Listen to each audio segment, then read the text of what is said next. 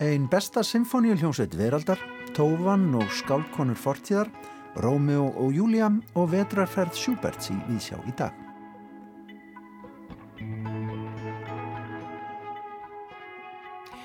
Í gær bárst þær fréttir í íslensku menningarlífi að Sinfoníuljómsveitin Koncertgebá frá Amsterdam sé á leið til landsins og muni halda tónleika í hörpu þann 10. november næstkomandi.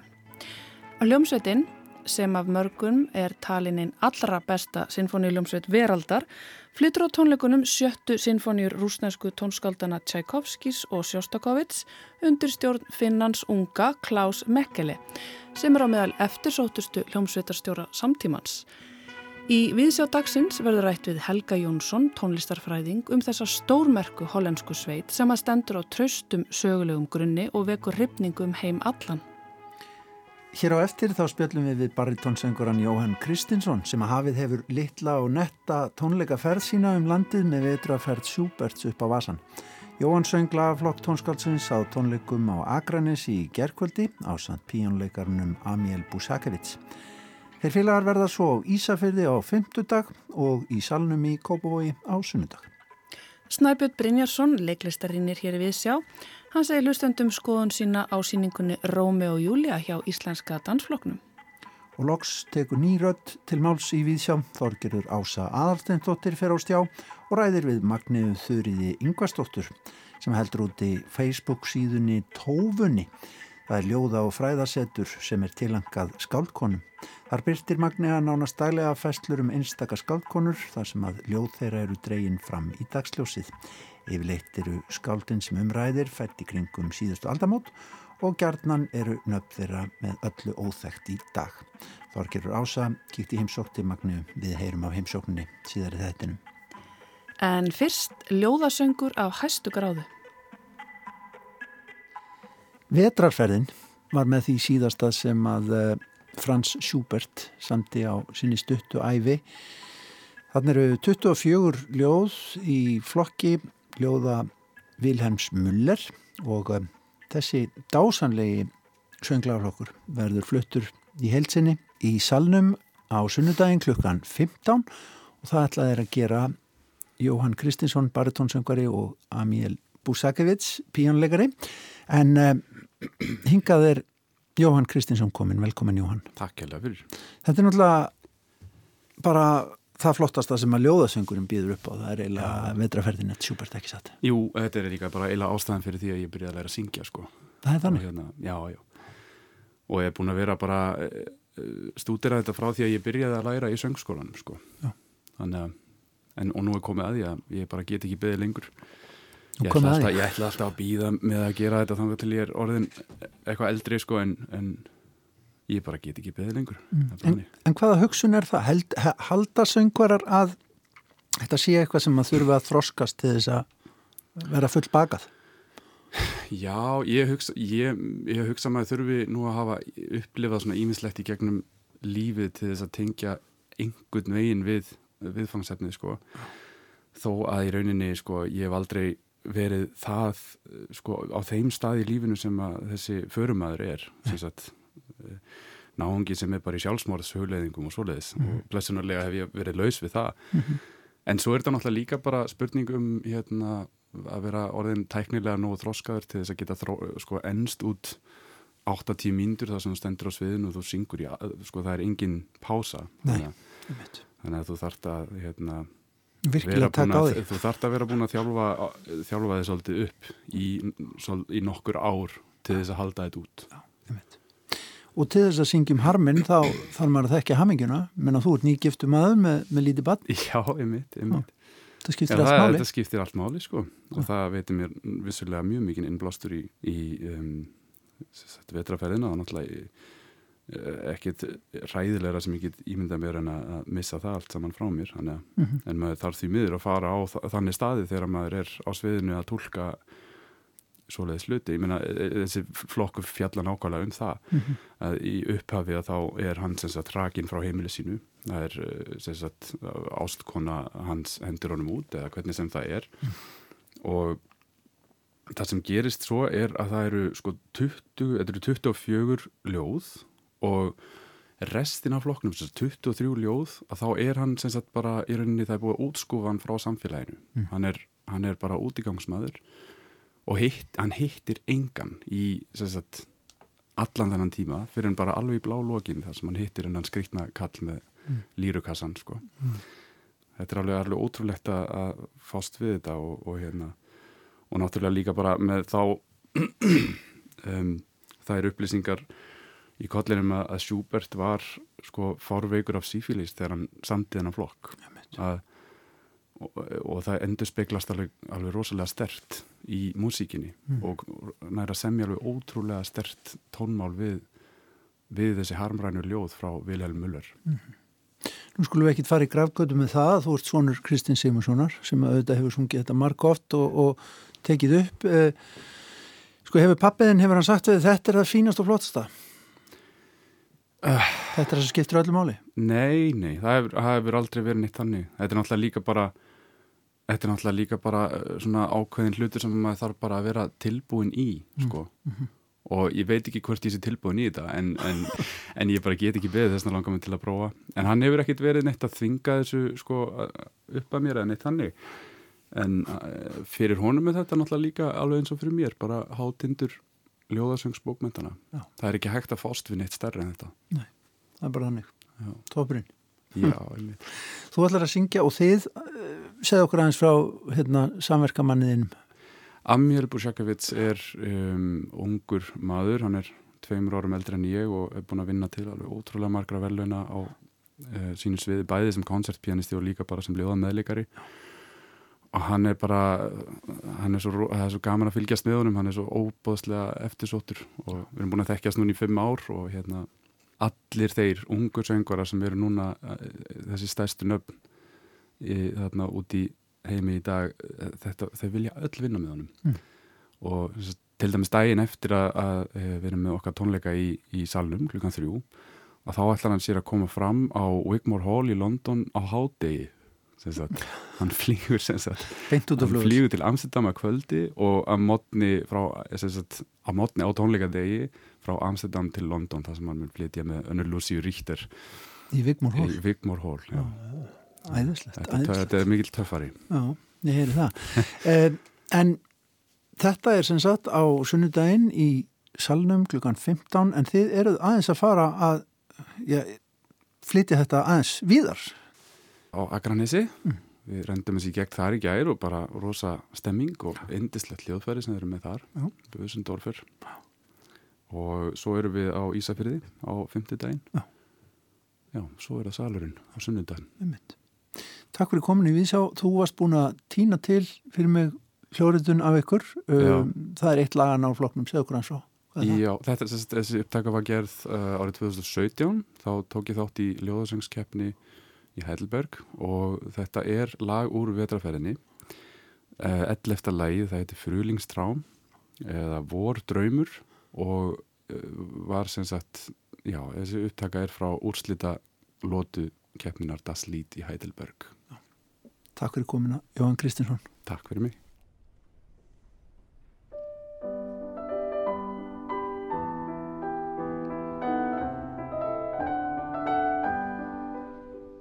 Ich träumte von bunten Blumen, so wie sie wohl blühen im Mai. Ich träumte von grünen Wiesen, von lustigem Vogelgeschrei, von lustigem Vogelgeschrei. Und als die Hähne krähten, da ward mein Auge wach, da war es kalt und finster, es schrien die Raben vom Dach. Da war es kalt und finster, es schrien die Raben vom Dach.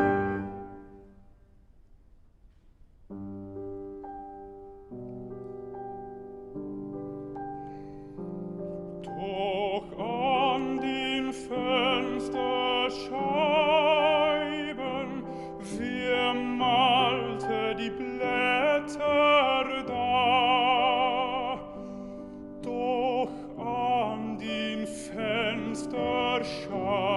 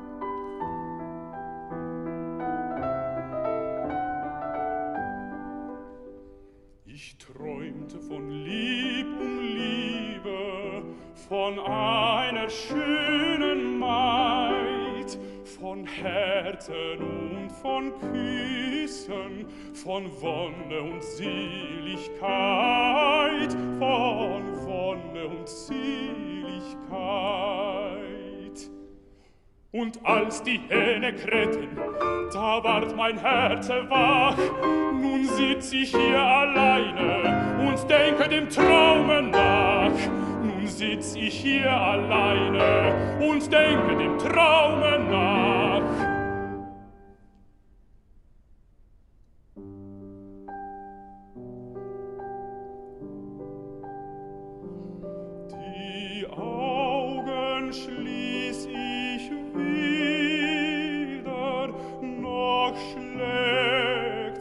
Herz so warm, die Augen schließ ich wieder, noch schlägt das Herz so warm.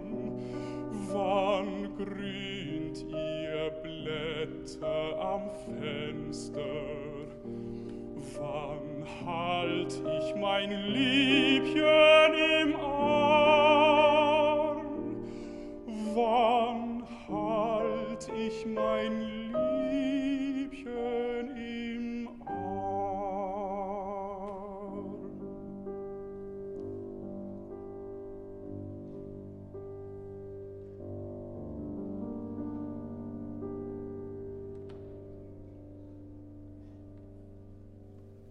Hér var sungið úr vetraferðinni Jóhann Kristinsson og Amiel Busakevits.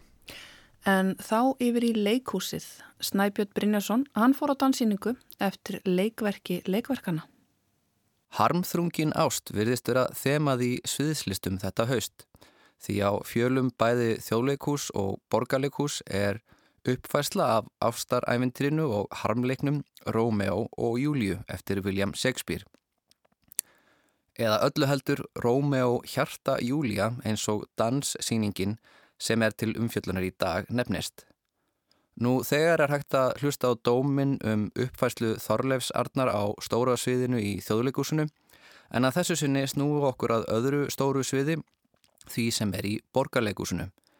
Íslenski dansflokkurinn tekst á við verkið í kóreografíu Erdnu Ómarsdóttur og Höllu Ólarsdóttur en þar var sótt innblástur og efni við að hluta til í þekktan ballett Sergei Prokofjevs. Prokofjev er eitt af þekktustu tónskaldum 2000-aldar.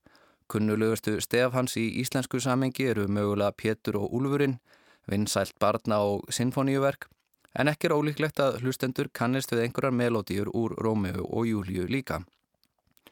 Sá ballett var saman í Sovjetiríkjunum 1935 sem var ekki auðvaldasti staður eða stund til að skapa list. Prokofjev var undrabann sem hafði fyrir rúsnesku byltinguna náða að skapa sér frama erlendis en þegar kreppan mikla gerðunum ókleift að skapa sinfoníur og óperuverk í vestri ákvaðan að snú aftur í heimaland sitt þar sem fjármagn var ekki vandamálið þegar það kom að listrætnja sköpun.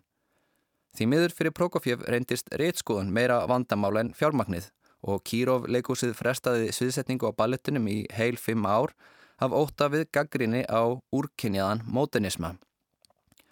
Svo það sé skýrt þá er Rómeó Hjarta Júlia ekki þessi ballett þó svo tónlist Prokofjev sé alltum líkjandi í síningu Höllu og Erdnum. Þessi síning var sköpuð í samstarfi við dansara Gartnerplatz leikúsins í München og svo endur sköpuð af íslenska dansfloknum. Ummer að ræða mikla postmoderníska afbyggingu þar sem tengingin við upprunan, það er ballett Prokofjós og leikrit Shakespeare's, er ofta tíðum ekki skýr og heldur ekki aðalatriðið. Dansararnir í verkinu eru Ásker Helgi Magnússon, Sjarmín Pang, Emilia Benedikta Gísladóttir, Erna Gunnarsdóttir, Felix Urbina Alejandre, Saga Sigurðardóttir, Sjóta Inúe, Sigurður Andriðan Sigurgesson, Unabjörg Bjarnadóttir og Vétís Kjartansdóttir. Eins og ég saði í dómið mínum um uppsetningu Rómi og Júliu í þjóðleikúsinu fyrir í haust, þá má líta svo á að leikritið Rómi og Júlia skiptist upp í tvo hluta. Fyrir hlutin er gamanleikur, farsakent romantísk komedja, þar sem áhörundur geta ímynda sér að elskendurnir nái saman á endanum, en síðar í hlutin blóðugur harmleikur. Þannig er dansverki Erdnu og Höllu einnig skipt upp. Verkið hefst á mjög gaman samanhátt þar sem dansararnir stilla sér upp í bleikum búningum og kynna sig og hlutverk sín og jú, það eru gamalkunnir karakterar, Tíbal, Benvolio, Mercutio, Fóstra, Rómeo og Júlia en einnig pizza, pasta, kýr á markastorki og sjálf dögunin. Síðan hefst dansinn þar sem allir dansararnir hlaupa fram og tilbaka á sviðinum, oft með mjög miklum tilþrifum með vísunum í ballett og með skóndnum búningaskiptum. Þessi hluti verksins er mjög fyndin og danslokkurinn nýtur sín vel. Sérstaklega var skemmtilegt hvernig dansararnir náða að blekja áhörundur í stuttarstund með því að fara í hettupeysur og framleikja arma sína með gummihandleikjum. Þessi hluti síningarinnar var mjög litríkur og leikandi en maður hafði alltaf á tilfinninguna að eitthvað meira voðið yfir, sérstaklega vegna þess hvernig gild en ógnandi leiktjöldin myndu reglulega á sig. Það er ekki alltaf augljóst hvaðan Erna og Halla hafa sótt innblástu sinn. Í einu atriðinu rýs Saga Sigurðardóttir upp úr gildu hafi með geysla kórunu. Hún er sólin, gild dögun, en minni líka öllitið á frelsistittuna sem rýs upp úr sjónum, ef ekki væri fyrir blóðugar geirvörturnar sem hinni dansararnir skrýði í áttina að eins og hungraðir gríslingar í faðmi gildu. Súsenna er gull falleg, bókstælega og næri vera sögu töfrandi, en eins og áður saði er ekki með augljósa tengingu við umfjöldunarefni síningarinnar. Frekar en til Shakespeare hugsaða maður kannski til ljóðlína eftir Jónas Svavar um morgunsárið blæðandi. Í síðari hlutunum er nálgunin eilitið klísjukentari. Þar vofir enn meiri drungi yfir öllum, blómum og krönsum er staplað upp líkt og í jarðaför og kvítklættir dansarar maka hver aðra blóði. Tengingin við sögu Shakespeare er öllu ljósari en maður saknar engu að síður mikiði leikliðinar og fjörsins sem enkendi fyrirlutaverksins. Þessum hluta er þó haldið uppi með ljóðrænu myndbandsverki Valdimars Jóhanssonar sem var uppfyllt af grettu og tölvert áhugaverðara. Sviðsmynd Krisander Brun er fjölhæf og fangar vel þá ægifegurð sem sjúk ást, Rómau og Júliu felur í sér. Senutnar þar sem gilt hafið flæðir og umbrutist svo í svart öldurót eru miðal hátinda síningarinnar. Búningar í síningun eru fjölmarkir og það eru Karen Brím og Sunnöfa Ása Weisapel sem ber ábyrð á þeim. Það eru margar skemmtilegar hugmyndir og tilbóð sem þær koma með, eins og áður sæði voru hettupeisurnar og hendurnar skemmtilega viðbót við dansin En það var líka fyndið að sjá eitraða kallmennsku ættbalkarsamfélagsins í Verónaborg tólkaða með dönsurum klættum í loðunar Karlmanns bringur. Skúli Sverrisson er skrifaður fyrir tónlistinni auk Prokofjefs en verkið endar á læginu Love is in the Air eftir ástralska sönguran John Paul Young. Á heildina litið er Rómi og Júlia vel hefnuð og kraftmikil dansining, gáskafull, lostafengin, falleg og uppfull af húmor. Það er ekki erfitt að skilja hvers vegna hún fekk tilnefningar til sviðslistavelun út í Þýskalandi enda flestir keplar í verkinu fagufræðilega sterkir að undanskildum þeim blóði drifnustu. Saði Snæbjörn Brynjarsson. En þá, ný rött hér í Vísjá, Þorgerður Ása Aðalsteinsdóttir. Hún fór og kíkti í heimsók til Magnu Þurriðar Yngvarsdóttur en hún heldur út í síðu á Facebook sem heitir Tóvan og er ljóða og fræðasettur sem er tilengað skaldkonum. Hæ. Sæl og blessi. Velkomin. Takk fyrir. Gætt í bæinn. Fyrir smá kaffi. Ó, jú, takk, endilega. Já, Já. á ég seti hér. Ég setst það bara hérna.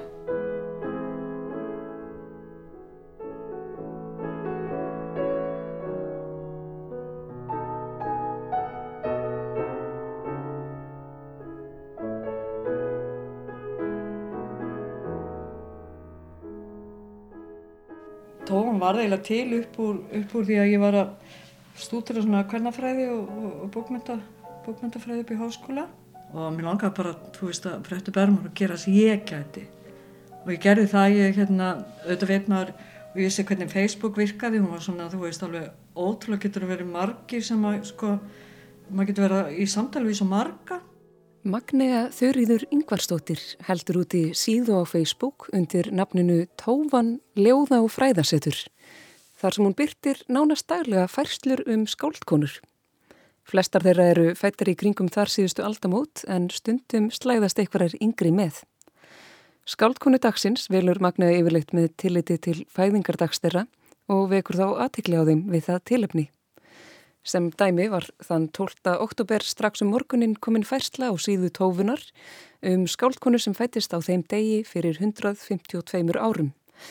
Ólöf nokkur einarstóttir frá Steig í Mýrdal en ljóðabók hennar Stjarnar í Myrkri kom út þegar skáldið var 85 ára.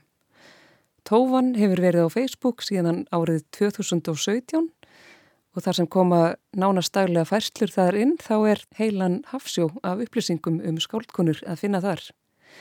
Það kom mér óvart að sjá allan þennan fjölda skáldkvenna frá 19. öld sem ég hafði fæstar heyrt áður á minnst. Mér langaði að vita meira um ljóða og fræðasetrið tófuna og auðvitað eitthvað um konuna bakvið tófuna.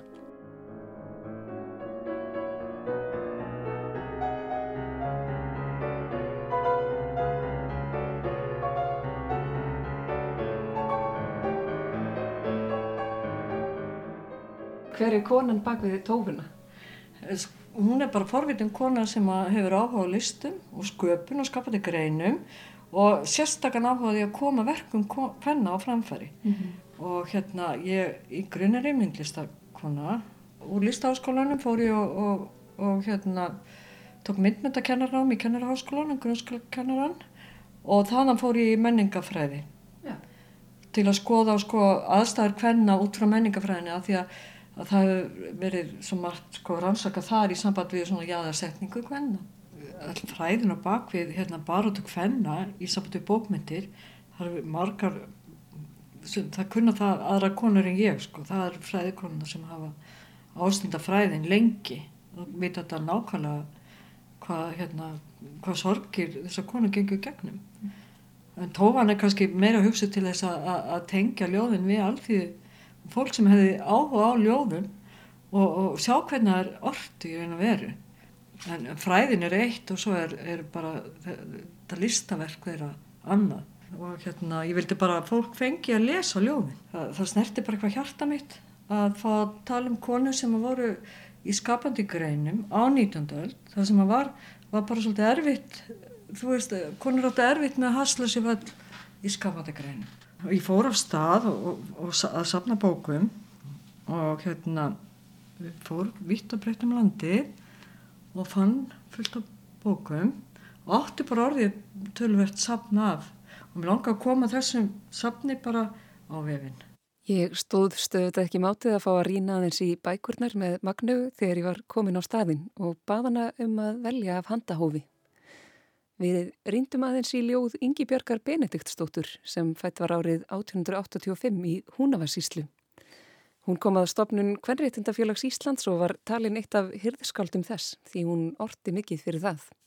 Í ljóðarsafnunu Stúlka, ljóð eftir íslenskar konur, skrifar Helga Kressum Ingi Björgu Benediktsdóttur að hún hafi verið fætt 11. ágúst 1885 á bergstöðum í Hallárdal, austur Húnavarsíslu þar sem hún bjóð til tvítúsaldurs.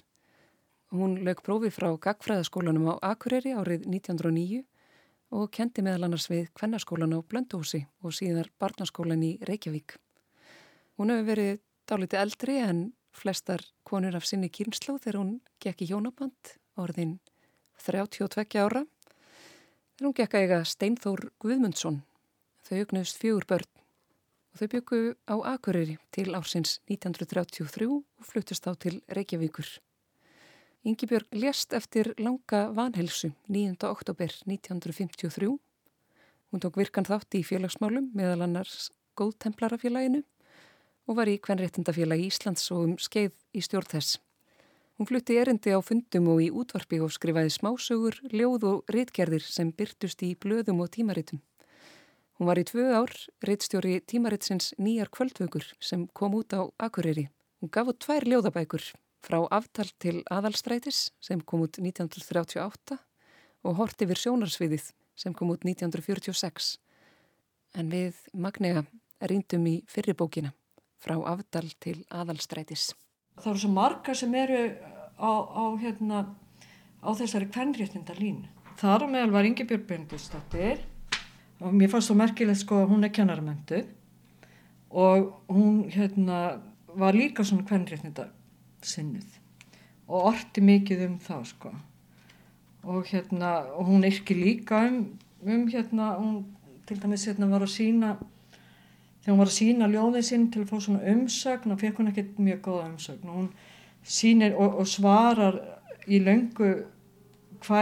sem sagt hérna hvernig henni leið við það að fá dómin Já, ef að heyra það Magniða rétti mér bókin og baði mig um að lesa ljóðið. Það kvarlaði að mér að ef til vill skýni enn fræðarsól mín hátt úr upplæstarkeppni sjöndabekja árið 2002. Við mér blasti nú þryggja blaðsíðna ljóðabálkur í bundnu máli á að giska 20 erindi. Svo það var ekki eftir neina bíða nema vinda sér í upplæsturinn. Ég man er fyrst þér sínd ég söngva mína Þá söngva ég engum reyndi þorði að sína. Það eru klökkir, viltir, veikir tónar, viðkvæmrar sálar. Egin lund er þjónar en þráir, þráir, æsku drauma dreymir. Í djúpi hjartans þögglar óskir geymir. Já, þessi ljóð ég öllum alltaf duldi. Minn innri mann ég hverri sálu huldi. Þau æsku ljóð ég engum vildi sína sem ekki gæti skilið drauma mína.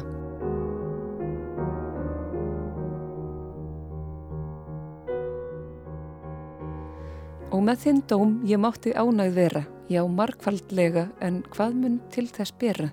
Mér fannst hann sangjart ekki að einu leiti, án þess ég vinur, dómgrend þinni neiti. Þú sagðir, þú átt þunglindin að rinda, sjá þú ert ung, hvort má þér ekki linda þitt æsku líf, já, lífsins miklu gæði, en lát ei sem þér djúpar undir blæði. Þú sæði rétt, ég sá það, fann og skildi en samt til fulls það aldrei játa vildi. Þú sæðir þú ert ung og gleðjast áttu, en yfir vega frændi betur máttu, hvort er það gleði er æsku árin líða, ávaksta laus í hröðum ströymi tíða, af öllum kröftum vilja starfa vinna en verka sinna ávöxt sjaldan finna, að leitast við að styðja, gleðja og gagna en geta ekkert, Hverjir þá að fagna?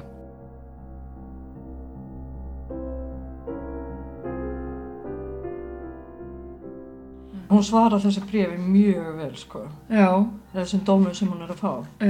Og, og, og hérna, veginn, þá, þá tekur maður bara inn á sig það sem hún er að segja. Því þetta er eitthvað svo, þetta er bara frá hennar einstu hjartarótin.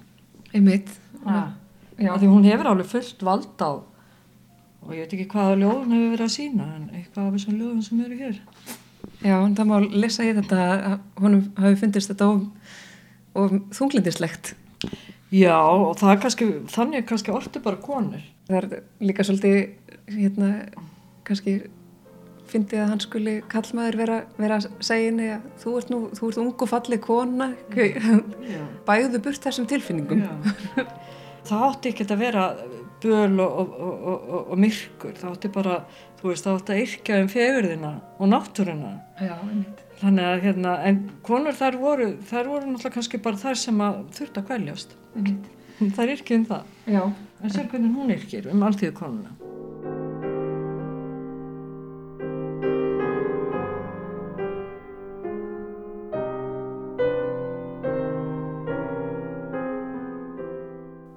Þú alþýðu kona.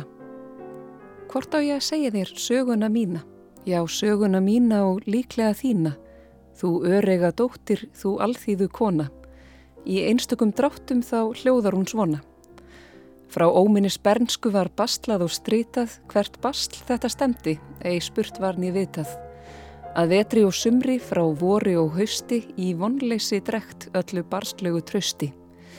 Við sökuðum engan en sárt var það stundum við sýsturnar munin á kjörunum fundum. Þótt bræðurnir innur sér fjö eða frama, við fengum ei slíkt þó við þráðum hið sama.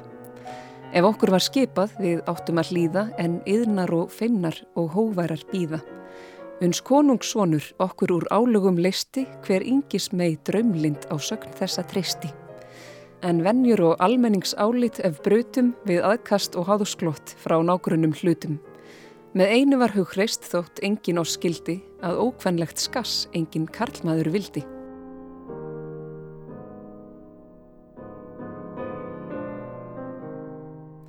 Já, viðbrað því tökum við stundum og stöndum og strjúkum burt tárin með skjálfandi höndum. Ef greint hefum bjarma af bjartara degi, svo börn okkar rati þó greiðar í vegi. Lát okkur sem þjónana í friði þá fara ef framtíðin stefnir til batnandi kjara. Í sögunni okkar þá bladverður brotið er börn vor fá heilbriðar lífskeiða notið. Þó margir en kými og aukslunum yfti og ágóða hverjum við háborðin skipti, skal öllum nú leiðbeint með innbeitnu og vilja, vort eðli og kröfur og hlutverk að skilja. Að dreyma og unna, að vaksa og vinna, í visku og þroska vort hvenn eðli finna mun efnið og kjarnin á ókomnum dögum í alþýðu kvennana framtíðar sögum. Ég kvati Magniða sinni og sagði slækka til að sjá tófuna varpa ljósi á fleiri skáldkonur. Tófa sýtur inn í leggjum land undir fót Ól hún barð með byrni á danamót dans vill hún heyra Hún þorði upp að fæða leggjum land undir fót. Sökum sinna bræðra á danamót og dans vill hún heyra. Hún vafði barn í silki klút leggjum land undir fót. Bar það svo á akkur út á danamót og dans vill hún heyra. Kom hrafnin brúni, leggjum land undir fót, tók upp barn úr túni á danamót og dans vill hún heyra. Hann tók til að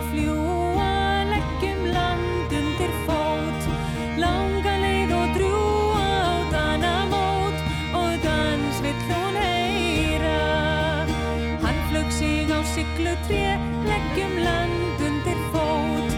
Lagði barn á greifans nið á danamót og dans vill hún heyra. Hann tók svein og horfi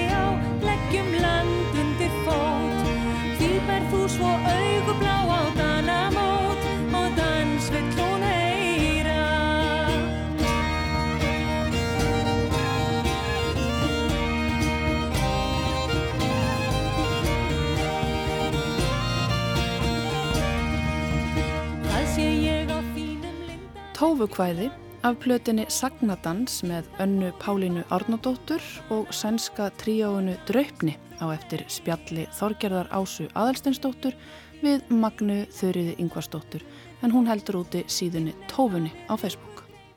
En hlustið á þetta.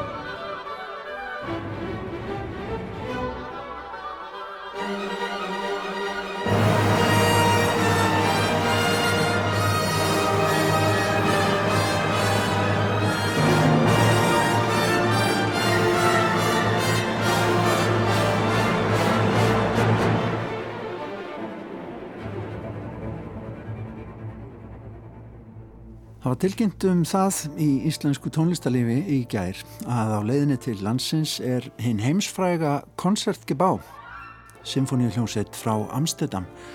Einn um, þekktasta symfóníuhljómsveit heims og að mörgum talin eins og allra allra fremsta.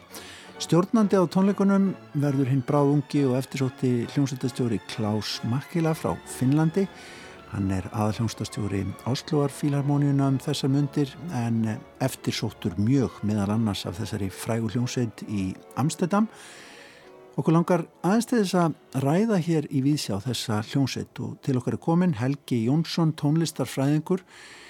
Helgi, ef ég spyr því fyrstu, hvað er það sem að, já, af hverju tekur hjarta kipp þegar, hjá, hjá mann eins og þér sem að þekkir þessa hljómsveit þegar þú fréttir að, kominar til landsins? Já, það er nú kannski alveg einfalt að útskýra það af hverju hjarta tekur kipp að vegna þess að þetta er einn, eins og þú sagðir, einn allra besta hljómsveit í heimi, jábel mögulega topp þrýr á hljónsvitum og það er auðvitað erfitt að bera saman hljónsvitir á okkur svona íþróttaskala mm -hmm. hvað er best og hvað er best en, en það sem þessi hljónsvit hefur hún hefur alveg ótrúlega enginandi samt og hún hefur sterkan karakter og hún hefur í raun og veru ekki haft marga aðalstjórnundur í gegnum tíðina. Hún er mjög sterka karaktera sem hafa móta hljónstuna mm -hmm. þannig að ég get alveg fullir þetta íslenskir tónlistakestir og þeir sem mæta og ég hveti allar til að mæta þeir eru að vona á algjöru vislu Já, Þetta er bara einu sinni, þetta verður 10. november næstkomandi og bara einir tónleikar. En hérna þegar þú talar um hljóm getur þú líst hljómi symfóníuljónsta vegna þess að sumir segja bara symfóníuljónsta, symfóníuljónsta, punktur. Það er ekki alveg þannig. Nei, þetta er ekki alveg, alveg það einfalt. Sko hljómur hljónsita getur ákværast af ymsum þáttum.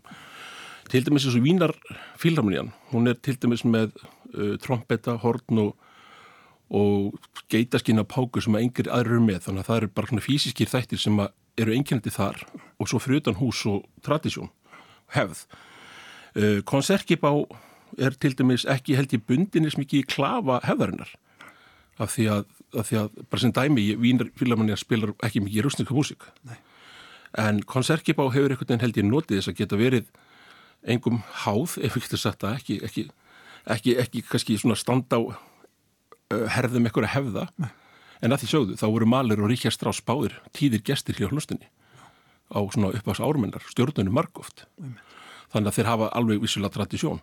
En þessi hljómsveit í raun og veru, hann hefur tekið alveg upp, alveg ógrinnin af diskum og ég er svona aðeins uh, tók óvísindilega kannun, ég svona skoðað þess og það eru vel, vel yfir þúsund sko hljómblötur sem hafa komið út Já. með konserkibá og það er engin, engin smá verk þú veist, þetta eru Sjórtakóðst ringur, þetta eru Beethoven ringir, þetta eru Brahms symfóníur, þetta eru Mahler symfóníur og, og, og oft í fleirin innum tilviki sko, Já. þetta er alveg ótrúlegt Já. magn af, af sagt, upptekinni músík sem að þeir, sem að þeir eiga á verkarskóni eða félagsskóni og með þeim hafa starfað bara nokkur neginn allir helstu hljómsveitastjóra heims og sögunar. Já, já, það má ég segja það og kerfi hjá þeim framan af sko svolítið sérstætt vegna þess að þeirra fyrst í aðalstjórnundi sem að var lengi þeir voru með fyrst William Kess en svo kemur William Mengelberg sem við þekkjum alltaf kannski betur einfallega vegna þess að, að þetta er svo mikið upptökum. Mm -hmm. og hann sko starfar í 50 ár sem, sem aðalstjórnundi wow og þá sem þetta var kerfið þannig og eitthvað, fra, eitthvað lengur að þeir voru með sinn aðalhjóstastjóra og svo, svo skipuður fyrsta og aðra uh, að, aðalstjóra, getur við sagt mm. og meðan að Mengelberg var uh, aðalhjóstastjóri mm. þá voru sagt, Strauss og Mahler þeir höfðu ekkert með prógrameringum þannig sem það gera mm.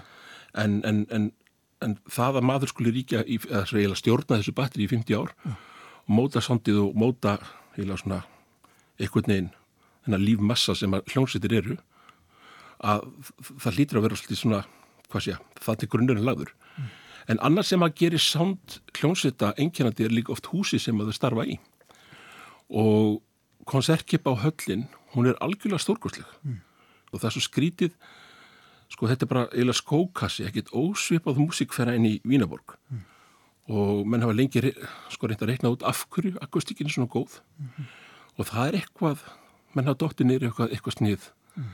í, í sem sagt einhver grís neða, ja, sko menn hafa svo sem rannsaka þetta þetta er meðal annars skraut og annars klíkt flúr Já. sem að, að því að veggin er ekki alveg sléttir og, og það eru ljósokronur sem að endurkasta Já. sem virka sem, sem eitthvað svona bylgju dreifarar Já. en þessi hljómsveit er alveg magnus, ég er búin að sjá hann nokkur sinnum uh, verið það heppin og, og í hvers skipti hefur þetta verið algjörlega eitthvað svona bara algjörlega einstækt sko. Mm.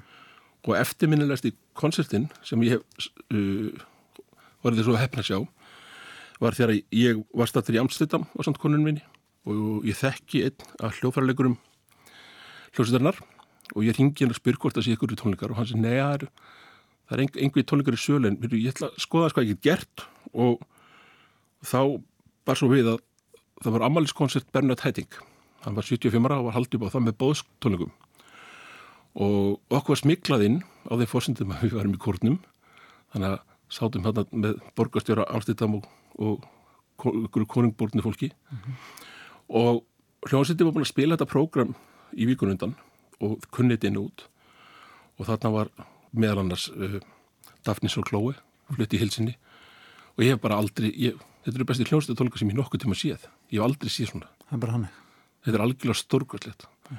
Og mér er svolítið áhugavert að uh, Maris Jansons þegar hann tekur við hljómsveitinni 2004 held ég að sé þá var hann spurður að hollensku bladamenni hver eru þínu áslur og hver er viltu breyta? Og hann veist að hafa var að og sagt breyta, ég vil ekki, ekki breyta okkur minnst sköpun hlut. Ég ætla, að reyna að þroska mig og þroska hlustina mm. okkar samstarf en ég ætla ekki að breyta okkur sköpun hlut. Það þarf ekki. Nefnt. Helgi, ég hitti um daginn mann sem að spilar uh, er sem sagt leiðar í básunudeldarinnar í þessar hljómsveit, hann heitir Jörgen van Rien, hann kom hingað sem einleikari um daginn og spilaði básunukonsert eftir Henri Tomasi, fransk tónskald á tónleikum Symfóni hljónstar Íslands. Skulum leifa hlustundum aðeins að heyra hvað hann saði um já, menninguna, kultúrin í þessar hljómsveit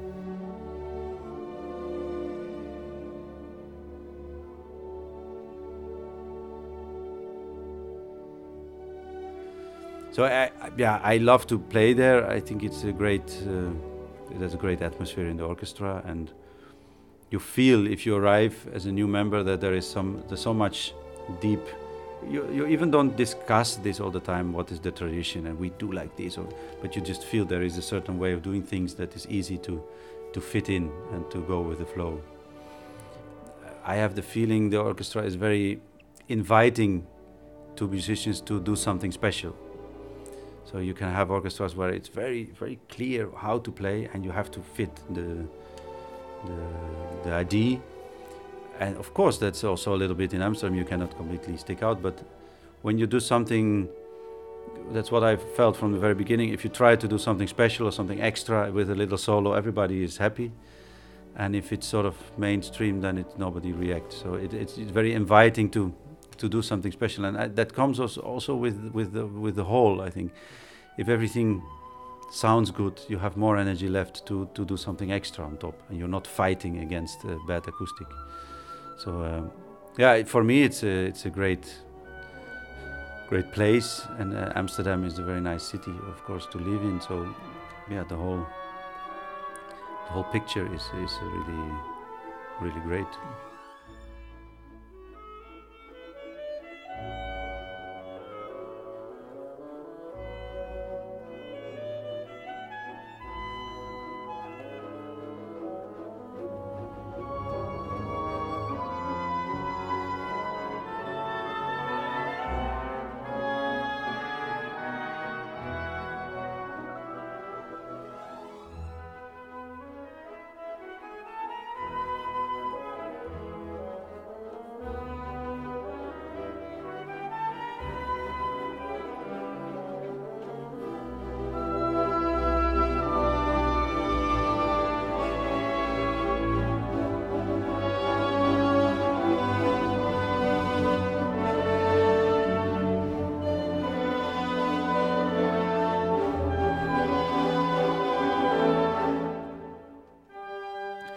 Já, Jörgen fann hérna að ræða um það hvernig eiginlega þessi hljómsveit, þessi mikla stopnun, gamla stopnun, leifir samt einstökum hljóðfaraleikurum að vaksa og dapna og blómstra í starfi sínu uh, og hann talaði mitt um það líka í þessu viðtali að það væri magnað að koma í hennan sál sem hún nefnir, hann fer út í, hann er sem sagt spilar í rauninni bara aðra hverja viku á meðan á tónleika árinu stendur en svo kemur hann alltaf aftur í salin eftir viku í burtu og hugsa mikið í heppin að vera hér í þessari hljómsveit á þessum stað. Og maður skilur það mjög vel. Hmm. Já, heldur betur. og það er ákveðin kultúratna þú hefur aðeins pælt í honum. Er, þeir velja hljóðfærarleikara mjög ákveðið. Það er ekki nóg að vera bara brjálaðislega góður Nei, sko, nei, þeir, þeir eru, sko, þeir sem að hljóstinni standa hafa í gegnum áratvíðina verið mjög meðvitaður um hvaða sándi þeir að leita eftir,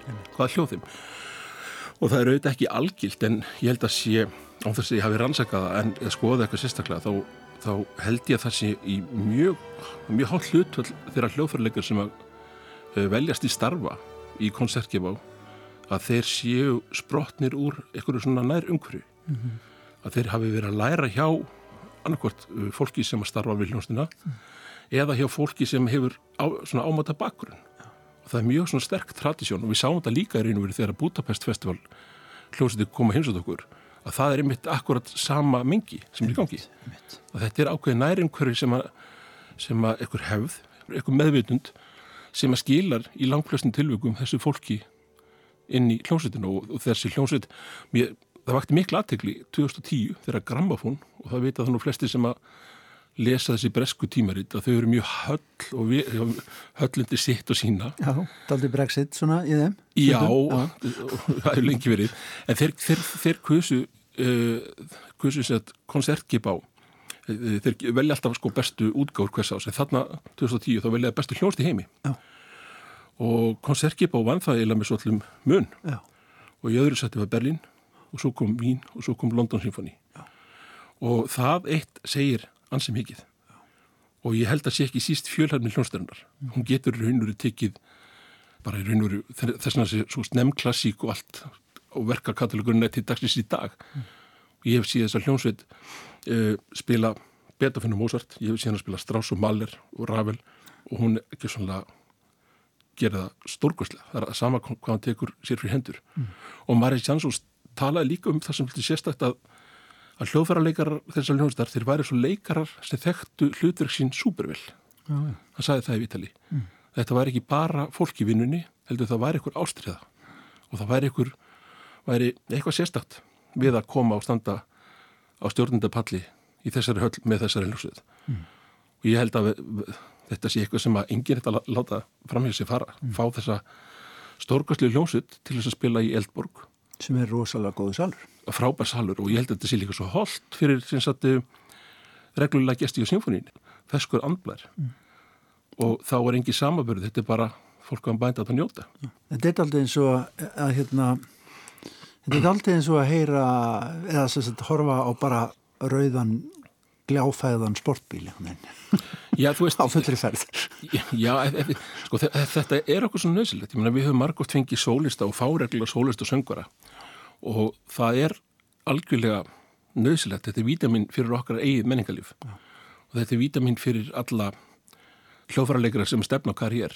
Stefna, stefna á það að verða uh, hljóðfærarleikara hvað sem það er í symfóliust eða kammermusík að sjá tónlist á hestalefili og vissulega symfónilegust Íslands er frábær og allt það en það er bara holdt að kíkja út fyrir tungarinn, út fyrir geringu og ég er og veru var hoppandi glæði því að segja prógramið af því að það er uh, Akkurat, við erum alveg búin að gleyma að tala um það. Það er Shostakovits Sinfoníu nr. 6 og Tchaikovsky Sinfoníu nr. 6 Já, þetta er- er rúsnisk prógram. Alvöru prógram. Heldur betur og, og, og, og í báðum tilvægum sko fær hljómsveitina sína verulega í hvað í henni býr af því að þetta eru sko stór virki bæði verkun sig og sérstaklega kannski Tchaikovsky er þekktari.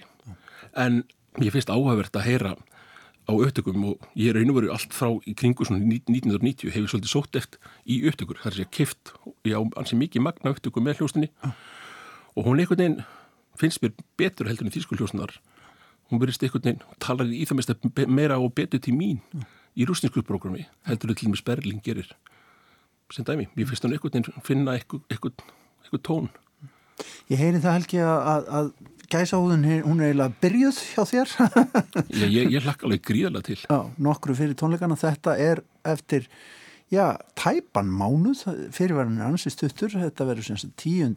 november og ég veit að miðasala hefst núna fyrstdægin Takk kærlega fyrir að koma í viðsjá og segja ykkur frá koncertgebá þessari hljómsveit sem heitir endar bara eiginlega tónleikahúsið eftir salnum sem hún starfaði. Já, konunglega tónleikahúsið. Já, konunglega tónleikahúsið og konunglega er hún. Takk hjálpa fyrir komuna. Takk, takk.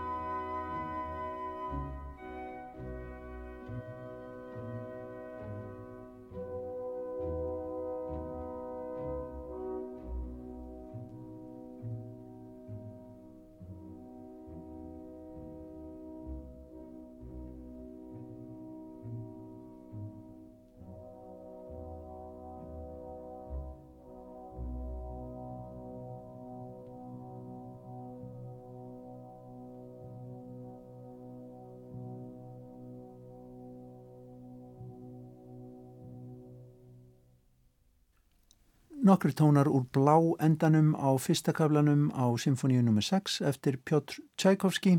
Svo frábæra symfónía verður flutt á tónleikum Koncertgebá symfóníu hljóstarinnar hollensku undir stjórn Klaus Mekele á eh, tónleikum í Eldborg í Hörpu. Já, það er ekki nema rétt eh, tæpur mánuður í þetta.